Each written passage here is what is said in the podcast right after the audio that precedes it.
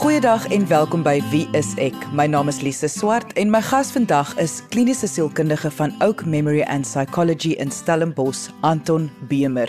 En ons gaan vandag gesels oor COVID trauma wanneer 'n mens alleen by die hospitaal is.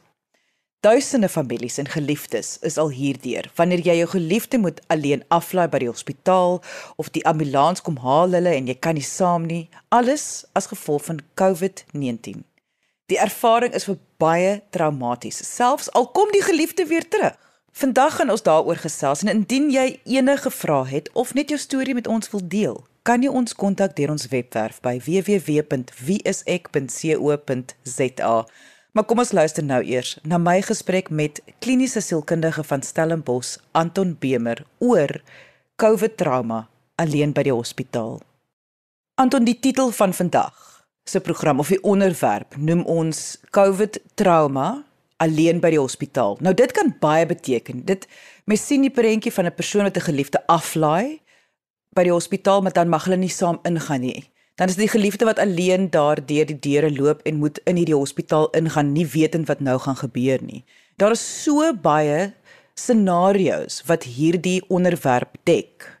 Lise, dit is eintlik skrikwekkend hoe baie scenario's daar is nie alleen ten opsigte van die hospitaal nie, maar ek dink ook mense wat by die huis agtergelaat moet word en bekommerd is oor die persoon wat hospitaal toe moet gaan of selfs die persoon wat COVID positief getoets is en hospitaal toe moet gaan en bekommerd is oor geliefdes wat by die huis agtergelaat word. Byvoorbeeld as daar iemand is wat swak, fisies ongesond by die huis is of iemand met demensie by die huis en hierdie persoon wat nou as pasiënt hospitaal toe gaan, was nog altyd die versorger van die pasiënt by die huis gewees. Dit maak dit baie moeilik. Ek dink dit is daardie agterlaat die skeiding ervaar by die hospitaal deur waar die pasiënt binne gaan en die geliefde word agtergelaat wat vir, wat vir beide persone geweldig baie angs kan skep en moontlik ook self skuldgevoelens vir die persoon wat by die deur staan dat hulle nie saam kan gaan nie en voel hulle laat dalk hierdie persoon in die steek. Maar ek dink ons moet ook besef daar's ander scenario's wat ook uitspeel en dit is daardie onsekerheid wat mense beleef wanneer iemand in die hospitaal op 'n ventilator is of op suurstof is of wat bewustheidsverlies deurgaan en hierdie persoon kan nie kommunikeer nie of is dit swak om te kommunikeer met hulle. Ek dink dit is vir families baie moeilik veral omdat ons weet baie van die dokters en mediese personeel is self so besig met hospitale wat vol pasiënte is. Nie alleen COVID nie, natuurlik ander pasiënte ook en baie van hulle ervaar uitbranding. So hulle vind dit bitter moeilik om by almal uit te kom en ook daardie persoonlike aandag te gee aan pasiënte. Ek glo hulle doen almal 'n goeie werk, maar dit is bitter moeilik om dan nog die kommunikasie kanaal te wees tussen die persoon in die hospitaal en hulle geliefdes by die huis. Ek wou nou gevra het wat is die definisie van trauma en daar gebruik jy toe die woord uitbranding. Nou wil ek liewer vra wat is die verskil tussen uitbranding en trauma? So uitbranding is eintlik 'n proses wat oor 'n lang tyd plaasvind waar mense onder baie druk is, waar jy voel jy kom nie voor nie. Jou jou suksesrate is baie laag, veral dan in hierdie tye waar pasiënte sterf of waar hulle gesondheid nie verbeter is nie. En dit is eintlik die emosionele komponente van angs en depressie wat bymekaar kom en dit veroorsaak dan hierdie gevoel van magteloosheid, hulpeloosheid, fisiese moegheid. Weet net nie die krag het om aan te gaan nie en en ek dink ons sien dit onder mediese personeel op die oomblik as gevolg van die nie alleen hoë lading van pasiënte waarna hulle moet omsien nie maar ook baie lang ure waar hulle moet werk. Trauma aan die ander kant is baie meer 'n skokreaksie. Dit is daai geweldige moeilike situasie wat jy jouself in bevind of wat jy waarneem waar iemand baie seer kan kry of mag sterf of deur 'n emosionele trauma gaan as daar emosionele misbruik gemaak word of iemand fisies aangerand word en jy is die buitestander en jy kan ook iets aantrend doen nie maar dit is daardie skokreaksie wat dan by jou bly en in tye soos hierdie net ook die nie weet nie die onsekerheid waarmee mense leef kan vir hulle baie angs, depressie en dan ook selfs posttraumatiese stres simptome veroorsaak.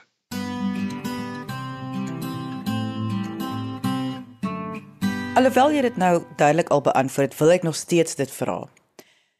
Uitbranding en trauma is nie eksklusief bedoel vir frontline werkers nie. Dis nie net eksklusief vir dokters en en en verpleegsters en versorgers nie. Enige mens kan hierdie ervaar. Absoluut. En en mense in verskillende professies ervaar dit al, weet, oor dekades lank. Ons kon ons ken uitbranding onder predikante, ons ken uitbranding in mense wat in hoë finansiële posisies is wat baie lank moet werk en 'n klomp inligting moet hanteer en soms geweldig hard werk net om die bootjie op die water te hou. So dit is verseker daar. En natuurlik trauma, uh enigiemand wat deur 'n oorlogssituasie was of wat hulle aan geweld blootgestel was, kan hierdie erge reaksie na daardie traumatiese gebeurtenisse ervaar. So niemand is gevrywaar daarvan nie. Ek dink wat ons nou wel in hierdie tyd sien is wel hierdie gevoel van magteloosheid, onsekerheid wat ons ervaar wanneer iemand in die hospitaal is. Ons weet nie regtig hoe gaan dit met daardie persoon nie en natuurlik wil ons soveel as moontlik inligting hê, maar dit is ook baie moeilik as hierdie persoon dalk nou al vir 2 weke op 'n ventilator of op suurstof is en hulle bewussyn verloor. So daar is nie noodwendig verbetering of verslegting in hulle toestand nie, maar ons sit by die huis met die onsekerheid en dit skep baie emosionele trauma vir ons. Ek dink daarmee saam is dit ook dan dat ons moet besef mense wat in die hospitaal lê, kan dit baie traumaties ervaar. Weet soos 'n kliënt my ook gesê het, hulle het uh, in 'n saal gelê en hulle het al geweet as iemand kom en die saal se deure toemaak, dan is dit wanneer iemand afgesterf het en die persoon se liggaam gehaal kon word. En hulle het al geweet hier kom iemand met wit klere verby of hulle het 'n trolly wat hulle stoot en die wielietjie van die trolly maak 'n sekere klank. So daar was sekere assosiasies wat hulle gemaak het met die wete dat iemand gesterf het. En natuurlik is dit dan baie traumaties. Ook as jy vriende raak met die persoon in die bed langs jou en die volgende oggend is daardie persoon nie meer daar nie. Dit voel soms vir my mense besef nie heeltemal die erns van trauma nie. Dis nou nie dat almal gaan trauma saam met hulle dra vir 'n lang tyd nie, maar baie mense doen wel. En wanneer die situasie nie meer daar is nie, jy's nou uit die hospitaal of jou geliefdes weer terug by die huis, is mense nie altyd bewus daarvan dat hulle nog steeds die trauma ervaar nie. Kan ons 'n bietjie daaroor gesels? Dis baie moeilik want daardie persoon mag dalk baie onbewus wees van die trauma en selfs dat dit hulle affekteer tot daar 'n sekere sneller of soos hulle in Engels sê 'n trigger is wat dit weer affekteer. En dit mag iets wees wat iemand sê, dit mag 'n berig op die televisie wees. Dit mag iets wees van statistieke wat opkom van sterftes. En en dan bring dit 'n reaksie uit by die persoon. En hulle mag dan baie keer 'n veg of vlug soos ons in angs ook sien reaksie kry dat hulle die gesprek wil vermy of wegstap van die televisie af. Of dat hulle aggressief of geïrriteerd mag raak. En eintlik anders optree as wat mense hulle ken. Ek dink ook soms is dat 'n daar die ander herbelewing simptome dat hulle um drome kry van wat gebeur het of terugflitsse kry na die tyd in die hospitaal of wakker word met die gedagte of 'n droom dat daar dalk iets ernstigs gebeur het. En ek dink wat ons moet besef dat baie van mense wat wat met COVID in hospitale is en vir 'n lang tyd bewussynsverlies ervaar, geweldige helder drome kry en drome wat baie traumaties is waar hulle gemartel of aangerand word. En en dit is daardie drome wat baie keer vir persone as hulle bewussyn herwin, baie sterk bybly en amper paranoïed maak oor die mense rondom hulle en die dokters. Veral as hulle hierdie helder drome gehad het van binne 'n hospitaal waar hulle lewe bedreig was. So daar's baie sulke primêre simptome en sommige van hierdie kan baie lank net as angstigheid by 'n persoon bly dat hulle nie hospitaal toe wil gaan nie. En selfs as hulle siek raak of weer verkoue simptome ontwikkel, wat moontlik COVID kan wees dat hulle nie wil gaan vir 'n toets nie. Jy luister na Wie is ek op RSG 100 tot 104 FM. Wanneer moet mens begin bekommerd raak en en en dink aan iets soos posttraumatiese stres? Kyk Lise, as ons net kyk na die statistieke in Suid-Afrika, heidaglik was is daar meer as 70000 mense wat al gesterf het aan COVID. Die aangemelde, en dit is belangrik, die aangemelde COVID gevalle is byna 2.4 miljoen mense en daar is dan natuurlik baie mense wat moontlik COVID gehad het wat dit nie noodwendig besef het of wat dalk al simptomaties was. So met daardie is daar natuurlik hierdie geweldige verlieservarings. Daar is geweldige onsekerhede wat daarmee saamgaan en ek dink ook wat baie keer in verskriklik hartseer is dat mense wat in 'n hospitaal was, moontlik met suurstof, hulle dalk uh was dalk in 'n koma gewees, bewustheidsverlies gehad en word wakker en hoor dan van geliefdes by die huis wat afgesterf het. So hierdie traumas wat mense beleef kan in baie verskillende maniere uitspeel. Ek dink ons raak bekommerd as dit 'n persoon se funksionering begin beïnvloed. As hulle nie meer hulle werk kan doen nie, as hulle nie meer aktiwiteite kan geniet nie of dat daar in hulle verhoudinge met ander mense problematiese emosies intree of optrede intree wat die verhoudings vertroebel. Lise wat belangrik is is om 'n onderskeid te maak tussen die fisiese herstelproses na 'n erge COVID infeksie en jong mense wat mag sukkel om trappe op te klim of baie gou uit asem raak of selfs voel um, hulle is van balans af. En en dit gebeur natuurlik omdat die COVID uh, infeksie jou liggaam baie sleg aantas. Maar ek dink die ander deel daarvan is dan die meer sielkundige trauma waardeur 'n persoon mag gaan of 'n familie mag gaan. En ek dink wat ons moet verstaan is dat hierdie nie net individuele prosesse is nie. Dit is 'n familie wat deur 'n trauma gaan, nie alleen as iemand in die hospitaal is of as iemand sterf nie, maar dan ook baie keer as net een persoon toegelaat word om by die sterfbed te gaan staan. So nou moet daar besluit word wie gaan. En ek dink dit sit baie druk op families. Daardie emosionele trauma wat dan 'n individu of 'n familie deurgaan, kan dan oor tyd omskakel in depressie of angs of posttraumatiese stres of wat ons ook noem 'n gekompliseerde rouproses want dit is nie asof die familie daar kon wees nie en ek dink dit is ook baie moeilik as familie oor see is en hulle kon nie huis toe kom om by 'n pa of 'n ma te wees terwyl hulle siek is nie Indien jy nou eens ingeskakel het, ons praat vandag oor COVID trauma om alleen by die hospitaal te wees. Maar die gesprek is gesentreerd rondom trauma wat veroorsaak word deur hierdie onsekere tye en die pandemie. Omdat dit so 'n belangrike onderwerp is, wil ons hê mense moet weet, jy kan 'n vraag vra of selfs net jou storie deel deur vir ons te kontak by www.wieisek.co.za En om 'n trauma gereeld lei tot meer angstigheid, tot depressie, selfs posttraumatiese stres, is daar nommers wat jy kan kontak om hulp te kry. Onder andere is SADAG se WhatsApp lyn beskikbaar. SADAG is die South African Depression and Anxiety Group en hulle WhatsApp nommer is 076 88 22 775.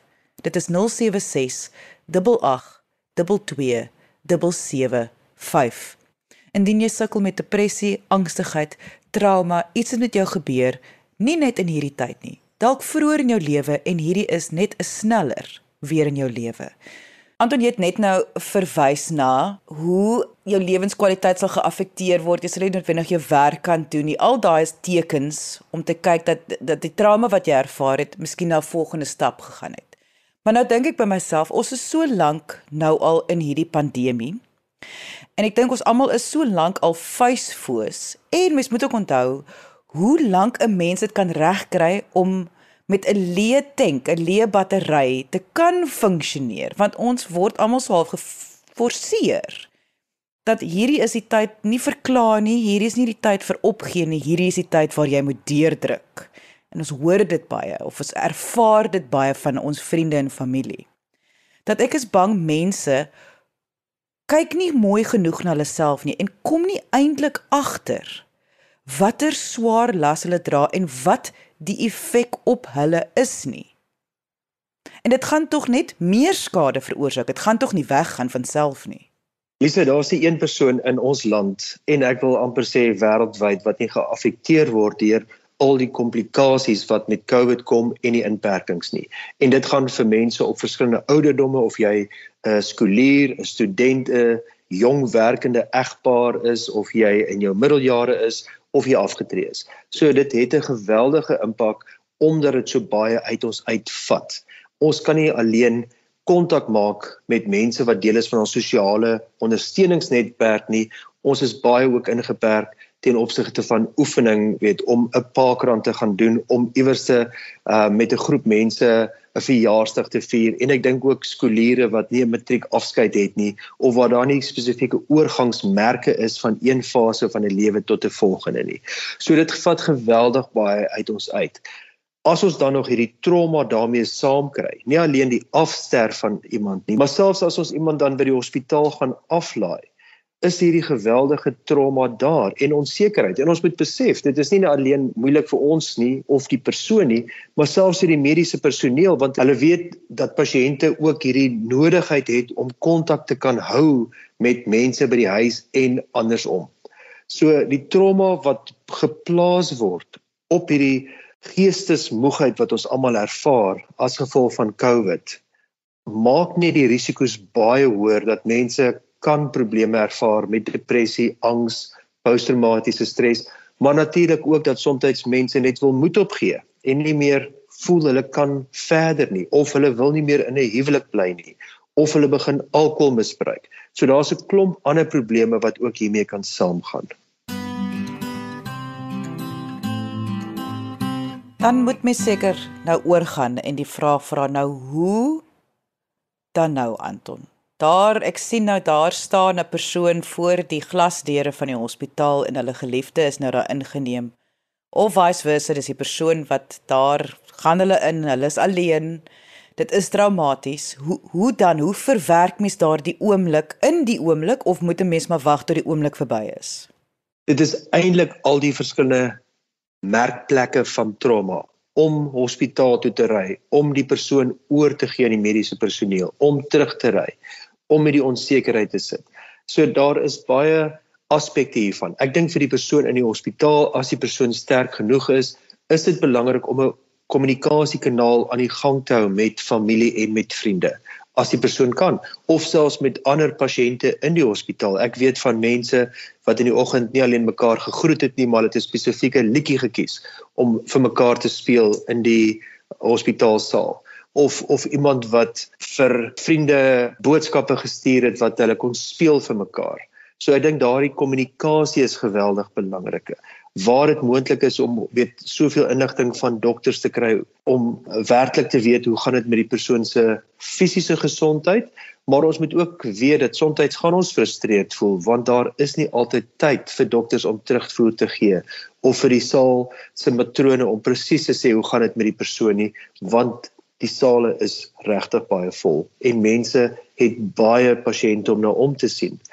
Ek dink dit is net so belangrik dat as jy by die huis is om as jy inligting kry dit te versprei na familie en vriende toe want almal sit met die onsekerheid dat daardie inligting gedeel word. Maar dit is net so belangrik dat jy na jouself kyk. Want as die persoon huis toe kom, moet jy ook sterk genoeg wees om hierdie persoon verder te ondersteun, veral as hulle fisies verswak het of emosioneel ook deur 'n trauma gegaan het. So kyk na jouself, maak seker jy kry goeie oefening in dat jy gesond eet, dat jy genoeg slaap kry, dat jy selfs dinge doen wat jy geniet en moenie skuldig voel daaroor nie want jy het dit nodig.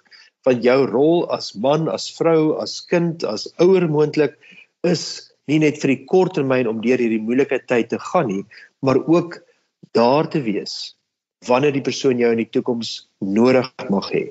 Maar ek dink dit is net so belangrik dat wanneer dinge regtig verkeerd loop en 'n persoon afsterf, dat jy ook die nodige hulpbronne binnekant jouself het om deur hierdie rouproses te gaan. Want dit is nie maklik nie. Dit is regtig vreemde, onbekende en traumatiese tye waarin ons lewe op die oomblik.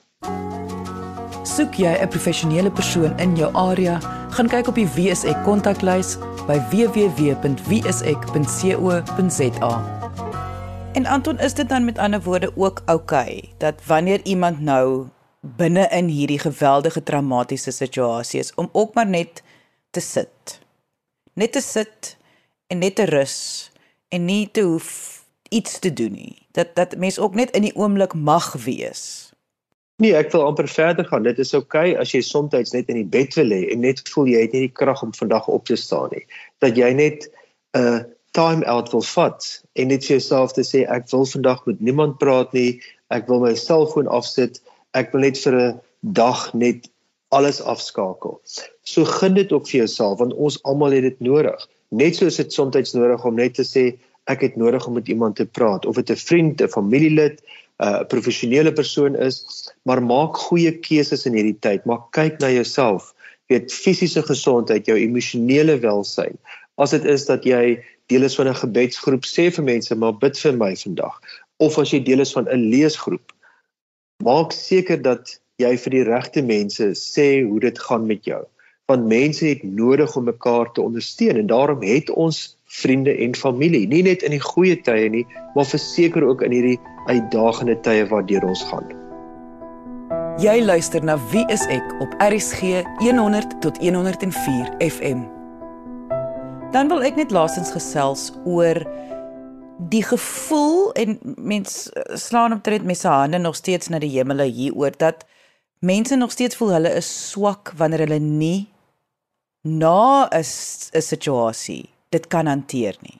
Met ander woorde die trauma is te veel vir hulle lyf. Hulle hulle hulle hulle het die effek van trauma. Dit gaan teen teen oor na posttraumatiese stres. Dat my broer, my geliefde, my familie, hulle lyk almal heeltemal oukei, okay, maar ek kan nie hiermee cope nie. My lewenskwaliteit is geaffekteer. Ek slaap nie meer nie. My eetpatroon het verander. Ek voel net nie meer myself nie. En dat hulle dan voel in vergelyking met almal in my familie, hoekom is ek dan nou so swak? So ek wil net hier aan die einde wil ek hê jy moet net vir daardie mense ook net verduidelik hoekom hulle nie swak is nie en hoekom om vir hulp te vra wys eintlik hoe sterk jy is. Lise mense kan maklik die verkeerde afleidings maak dat na so tyd hulle nou nie so goed cope soos ander familielede nie dat hulle sukkel met hulle slaap of dat hulle baie keer in trane mag uitbars. Maar ek dink ons moet verstaan dat mense trauma verskillend hanteer en dit ons op verskillende maniere affekteer. En vir sommige mense is dit dat hulle aanvanklik baie sterk mag wees terwyl die persoon in die hospitaal is en daarna kan dit net oorweldigend voel. En vir ander mense is dit weer andersom vir sommige mense gaan hierdie gedagtes van 'n hospitaal en die afskeid neem dalk baie lank by hulle bly en dalk 'n sekere skeidingsangs veroorsaak. So ons moet definitief bewus wees daarvan. Maar ek dink soos ek ook al in die verlede met pasiënte gewerk het na hartoperasies en hulle gesukkel het met die verlies aan fisiese krag, moet ons verstaan dat nie net die pasiënt wat COVID gehad het nie, maar ook die familie van so 'n persoon 'n pad van herstel moet loop om weer hulle voete te vind. Nie net ten opsigte van hulle fisiese gesondheid nie, maar ook hulle emosionele welsyn. En dit was kliniese sielkundige van Oak Memory and Psychology in Stellenbosch, Anton Bemer. Indien jy enige vrae het oor vandag se onderwerp of net jou storie met ons wil deel, kan jy ons kontak deur ons webwerf by www.wieisek.co.za of kom gesels saam op ons Facebookblad onder Wie is ek SA. Weksdae 9uur het ons live gesprekke met medies professionele mense oor verskeie sielkundige toestande, menslike gedrag met baie advies en ons probeer dit so toeganklik as moontlik vir almal maak. Dit is ook jou tyd om verniet 'n vraag te vra vir 'n professionele persoon. So kom gesels op ons Facebookblad onder Wie is ek SA. Dankie dat jy vandag ingeskakel het. Ons maak weer so. Volgende Vrydag 12:30 net hier op RSG. Jy moet 'n heerlike naweek hê en onthou, kyk mooi na jouself.